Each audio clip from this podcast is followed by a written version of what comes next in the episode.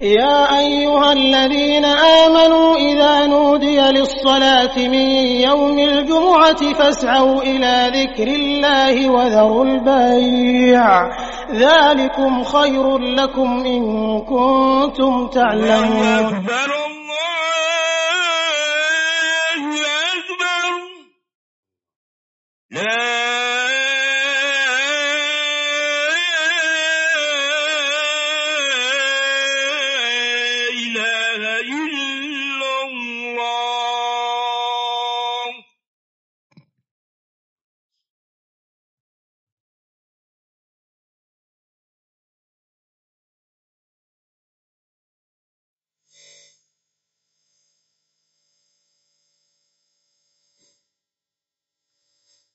إن الحمد لله نحمده ونستعينه ونستغفره ونعوذ بالله من شرور أنفسنا وسيئات أعمالنا. من يهده الله فلا مضل له ومن يضلل فلا هادي له. وأشهد أن لا إله إلا الله وحده لا شريك له. وأشهد أن محمدا عبده ورسوله. يا أيها الذين آمنوا اتقوا الله حق تقاته ولا تموتن إلا وأنتم مسلمون. يا أيها الناس اتقوا ربكم الذي خلقكم من نفس واحدة وخلق منها زوجها وبث منهما رجالا كثيرا ونساء. واتقوا الله الذي تساءلون به والأرحام. إن الله كان عليكم رقيبا. يا أيها الذين آمنوا اتقوا الله وقولوا قولا سديدا. يصلح لكم أعمالكم ويغفر لكم ذنوبكم. ومن يطع الله ورسوله فقد فاز فوزا عظيما. أما بعد فإن أصدق الحديث كتاب الله. وخير الهدي هدي محمد صلى الله عليه وآله وسلم وشر الأمور محدثاتها وكل محدثة بدعة وكل بدعة ضلالة وكل ضلالة في النار. قال الله تعالى في كتابه الكريم أعوذ بالله السميع العليم من الشيطان الرجيم والذين جاهدوا فينا lanahdiyannahum subulana. Hadirin sidang Jumat yang dimuliakan oleh Allah Azza wa Jalla. Salah satu di antara hasil dari saum Ramadan adalah lahirnya amalan-amalan yang dawam.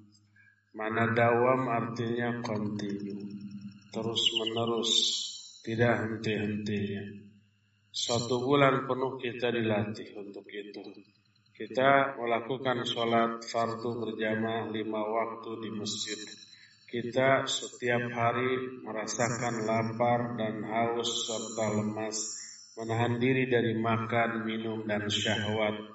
Malam harinya kita isi setiap malam dengan qiyam Ramadan yang disebut dengan tarawih. Siang ataupun malam kita isi dengan tadarus, dengan baca Al-Quran, dengan banyak berzikir, dengan banyak berdoa, dengan banyak infak dan sodakah. Semuanya itu melatih kita untuk melakukan amalan-amalan secara dawam, secara kontinu. Dan itu terus terpertahankan sekalipun Ramadannya telah berlalu meninggalkan kita. Ramadan boleh pergi sementara dalam kehidupan kita, tapi seluruh ibadah, seluruh kebaikan, seluruh amal soleh yang kita lakukan selama Ramadan tetap menyertai kita dalam hidup kita. Oleh karena itulah salah satu buah dari Ramadan adalah lahirnya amalan yang dawam, yang kontinu, yang terus menerus dalam kehidupan kita di luar Ramadan ini. Dari sinilah maka para ulama menjadikan dawamnya, kontinunya amalan kita di luar Ramadan sebagai indikasi, sebagai tanda bahwa seluruh amal ibadah Ramadan kita itu diterima oleh Allah Subhanahu wa taala. Kata Imam Ibn Rajab, qala ba'dus salaf. Telah berkata para ulama salafus soleh zaman dahulu dari kalangan para sahabat Nabi. Mereka menyatakan man amila hasanah thumma atba'aha bihasanah fadzalika alamatu qabulil hasanatil ula fa inna Allah subhanahu wa ta'ala idza taqabbala amala 'abdin waffaqahu lil a'mali salihah ba'dahu kata para ulama as-salafus saleh apabila seseorang melakukan satu perbuatan baik amal soleh ibadah lalu diikuti oleh amal-amal baik lainnya setelah itu, maka amal baik yang kedua ini menjadi tanda bahwa amal baik yang pertama tadi diterima oleh Allah Subhanahu wa taala. Karena apabila Allah menerima amalan seorang hamba, Allah akan berikan taufik hidayah kepada orang itu untuk mengamalkan amal soleh berikutnya setelah itu. Oleh karena itu dawamnya amalan kita setelah Ramadan berlalu menjadi ciri bahwa amal-amal ibadah yang kita lakukan di bulan Ramadan itu diterima oleh Allah Subhanahu wa taala. Dampak dari diterimanya amal yang telah kita lakukan berupa lahirnya awal amalan-amalan yang dawam melahirkan beberapa efek positif lainnya setelah itu. Di antara beberapa keutamaan dari dawamnya amal kita adalah pertama, Allah Subhanahu wa taala akan menurunkan rasa cintanya, mencintai dia lebih besar daripada sebelumnya.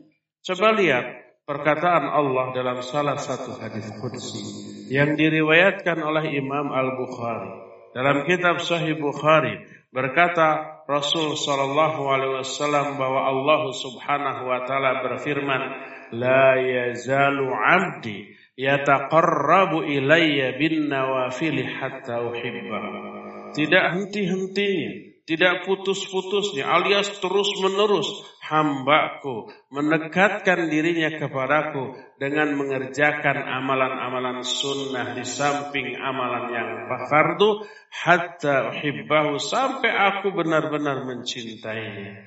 Orang yang melakukan amal soleh secara dawam, secara kontinu, secara terus-menerus, itu lebih dekat hubungannya kepada Allah. Karena seluruh perbuatan baik, ibadah, amal soleh, sebenarnya itu upaya pendekatan diri kepada Allah subhanahu wa ta'ala.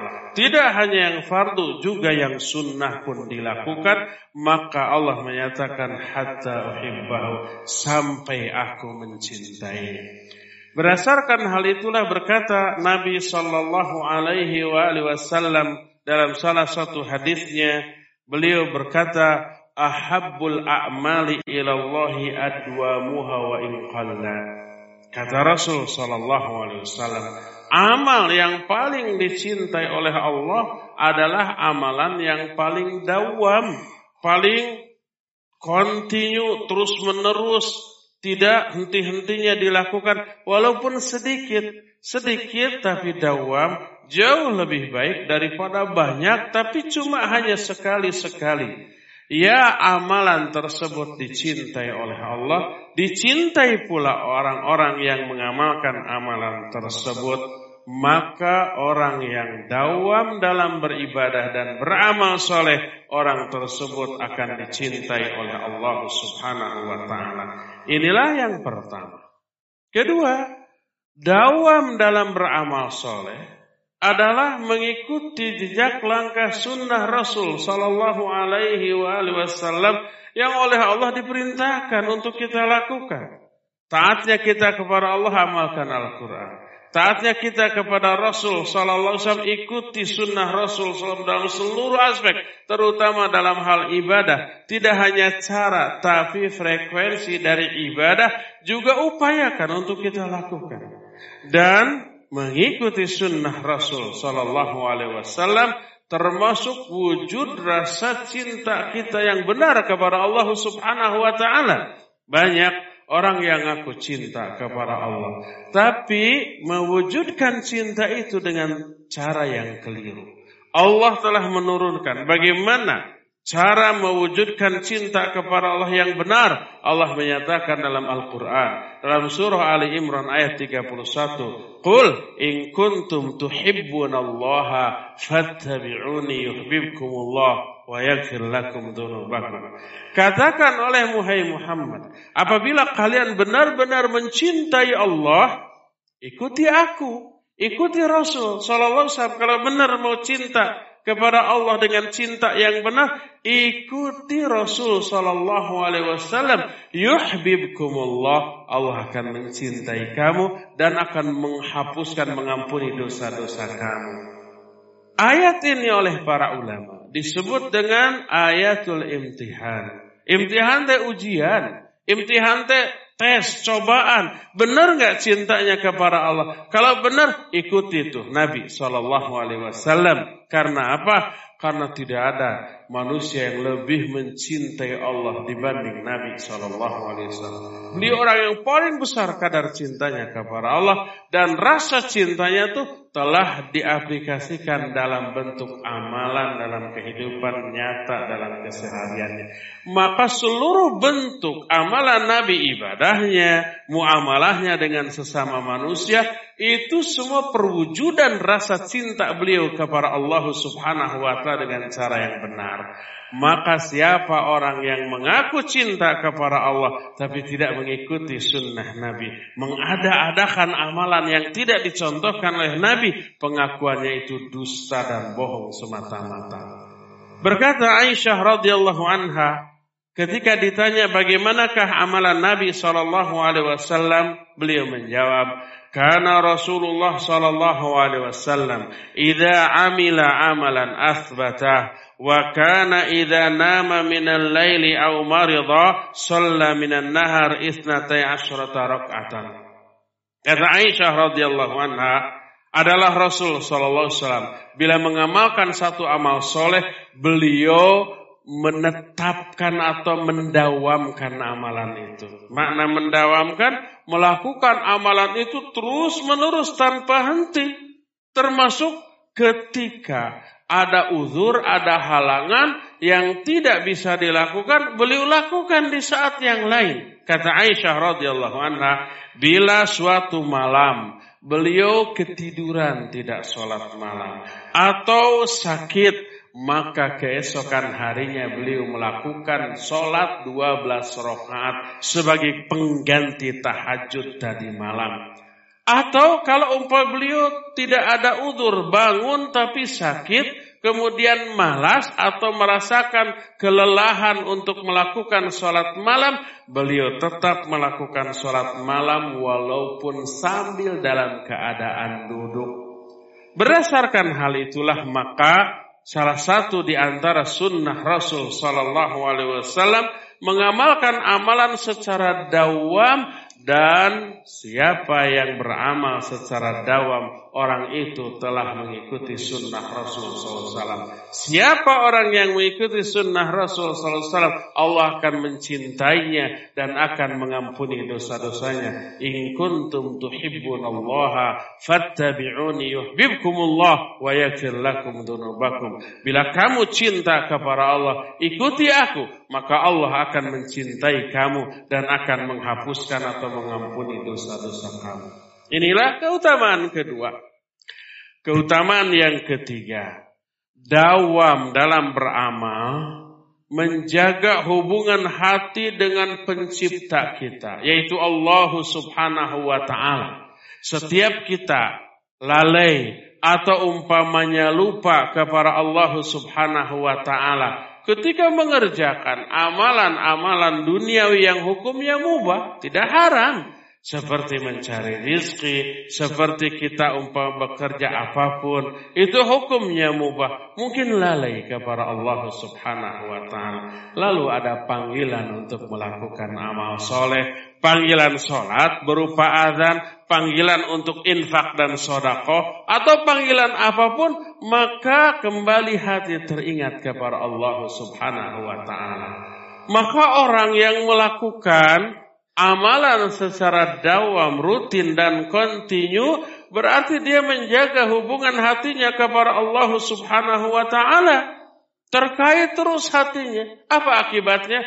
Akibatnya orang yang selama hidupnya mengisi waktunya dengan ibadah, yang selama hidupnya hatinya ta'aluk terkait kepada Allah, kepada ibadah, kepada tempat-tempat ibadah seperti masjid, orang itu kelak akan diberi sebuah naungan di akhirat yang tidak ada naungan lain yang bisa dijadikan naungan kecuali naungan dari Allah.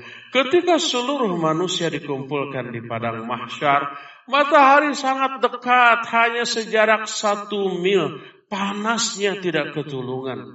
Jangankan satu mil, sekarang aja jutaan mil panasnya luar biasa bagi kita semuanya. Dan menyebabkan manusia berkeringat. Ada orang yang terendam oleh keringatnya sampai semata kaki, ada yang sampai selutut, ada yang sampai sepinggang, ada juga yang sampai setelinga. Keadaan di sana berbeda dengan keadaan di sini. Jangan difahami oleh otak, nggak masuk akal. Memang tidak masuk akal. Bukan karena itu sesuatu yang mustahil, tapi karena keterbatasan akal kita untuk memahami keadaan di alam akhirat nanti. Panasnya luar biasa. Semua orang menderita. Ingin segera lepas dari kondisi seperti itu. Sampai mereka datang kepada para nabi. Nabi Adam didatangi, Nabi Nuh didatangi, Nabi uh, Musa, Nabi Ibrahim. Semua didatangi. Tapi tidak bisa ada yang bisa memberikan syafaat yang menyelamatkan mereka.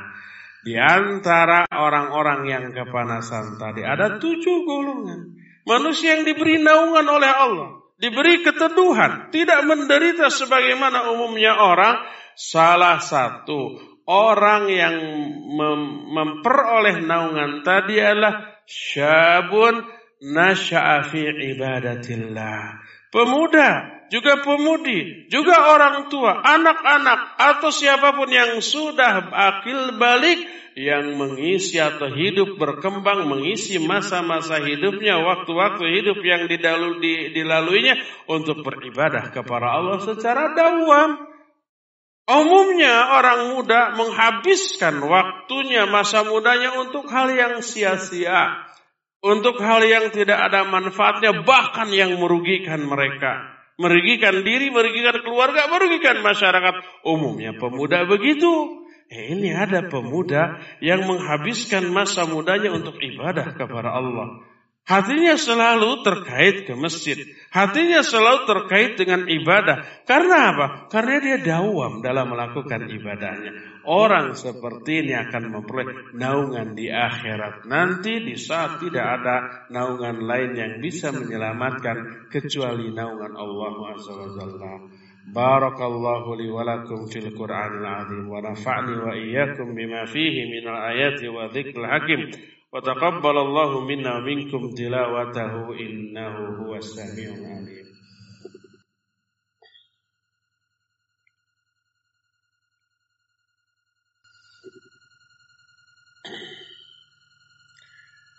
الحمد لله الذي بعث في الأميين رسولا منهم يتلو عليهم آياته ويزكيهم ويعلمهم الكتاب والحكمة وإن كانوا من قبل لفي ضلال مبين. وأشهد أن لا إله إلا الله الملك الحق المبين. وأشهد أن محمدا عبده ورسوله صادق الوعد الأمين. والصلاة والسلام على أشرف الأنبياء والمرسلين وعلى آله وأصحابه أجمعين ومن تبعهم بإحسان إلى يوم الدين وبعد Ayuhal hadirun usikum wa nafsi bitaqwallahi faqad fazal muttaqun. Hadirin sidang Jumat yang Allah muliakan. Salah satu di antara hasil dari dawamnya kita dalam beramal adalah digugurkannya dosa kita, dihapuskannya kesalahan kita, diampuninya seluruh noda dan kemaksiatan yang kita lakukan. Semuanya terhapus oleh dawamnya amal-amal soleh yang kita lakukan. Kata siapa itu? Kata Allah dalam Al-Quran, kata Nabi Wasallam hadis-hadisnya yang sahih. Allah berfirman, Innal hasanati yudhibna sayyiat. Sesungguhnya kebaikan-kebaikan bisa menghapus dosa-dosa. Bisa menghapus kesalahan-kesalahan. Begitu kita berdosa karena lalainya dari Allah subhanahu wa ta'ala ketika mengerjakan urusan duniawi. Lalu kita kembali ibadah kepada Allah melakukan kebaikan. Apa pun kebaikan itu bentuknya ya. Baik itu sholat, atau saum, atau baca Al-Quran, atau zikir, atau berdoa, atau infak, atau sodako, atau menolong orang. Semua kebaikan, menghapus dosa-dosanya. Nah, orang yang melakukan ibadah secara dawam, rutin, kontinu. Setiap kali dia ibadah, memperoleh pahala, menghapus dosa. Memperoleh pahala, menghapus dosa. Begitu. Berkata Nabi SAW, ketika Beliau menggambarkan salah satu fungsi dari sholat yang lima waktu.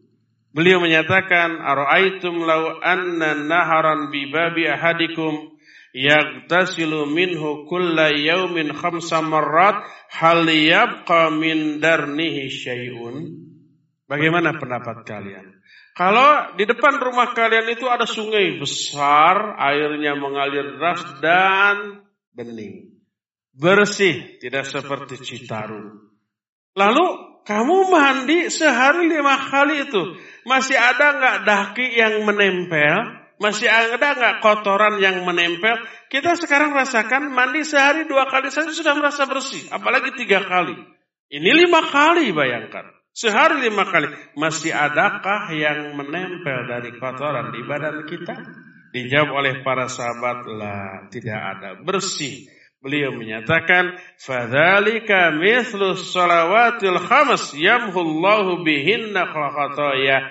Demikian juga salat yang lima waktu Allah menghapus kesalahan-kesalahan kalian dengan salat yang lima waktu tadi. Bayangkan kalau yang kita lakukan tidak hanya salat, tapi juga sholat sunnah, tapi juga saum, termasuk jumatan. Berkata Nabi SAW, as-salawatul khams, wal jumu'ah ilal jumu'ah, wal ramadan ila ramadan, wa fi riwayatin wal umrah ilal umrah, mukaffiratun liman bainahun. Sholat yang lima waktu, Jumat ke Jumat, Ramadan ke Ramadan, umrah ke umrah, itu menghapus dosa-dosa yang dilakukan di antaranya. Jadi dawam dalam beribadah menghapus dosa selain menambah pahala. Semakin sering, semakin dawam kita beribadah, semakin banyak dosa yang terhapus dan semakin banyak pahala yang Allah limpahkan kepada dia.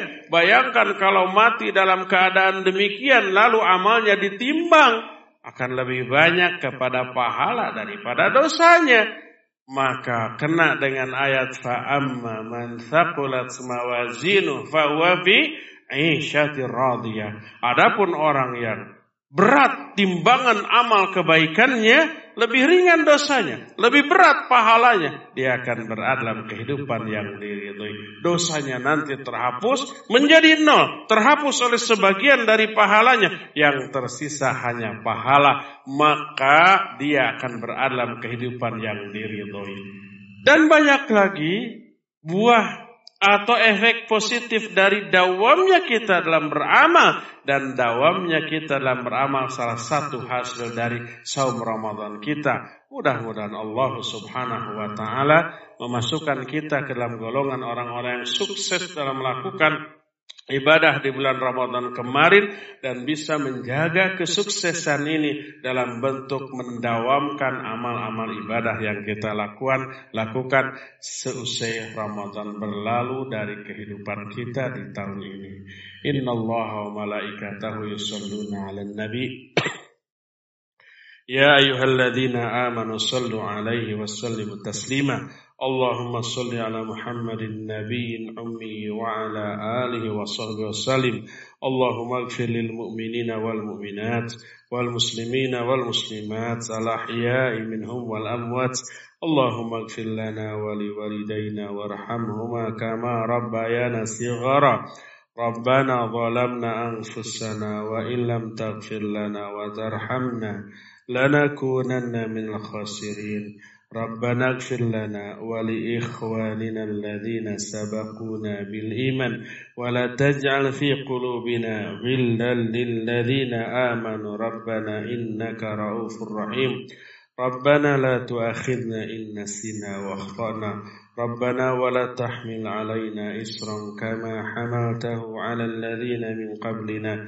ربنا ولا تحملنا ما لا طاقة لنا به. واعف عنا واغفر لنا وارحمنا أنت مولانا فانصرنا على القوم الكافرين. ربنا هب لنا من أزواجنا وذريتنا قرة أعين واجعلنا للمتقين إماما. ربنا لا تزغ قلوبنا بعد إذ هديتنا وهب لنا من لدنك رحمة إنك أنت الوهاب. ربنا آتنا في الدنيا حسنة وفي الآخرة حسنة وقنا عذاب النار. سبحان ربك رب العزة عما يصفون. وسلام على المرسلين والحمد لله رب العالمين. آمين يا رب العالمين. أقول قولي هذا واستغفر الله لي ولكم وأقيم الصلاة. الله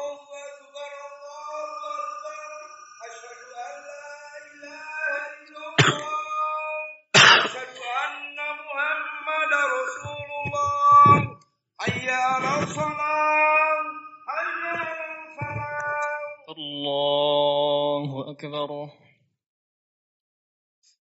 الحمد لله رب العالمين. الرحمن الرحيم. مالك يوم الدين. إياك نعبد وإياك نستعين. اهدنا الصراط المستقيم. صراط الذين أنعمت عليهم غير المغضوب عليهم ولا الضالين.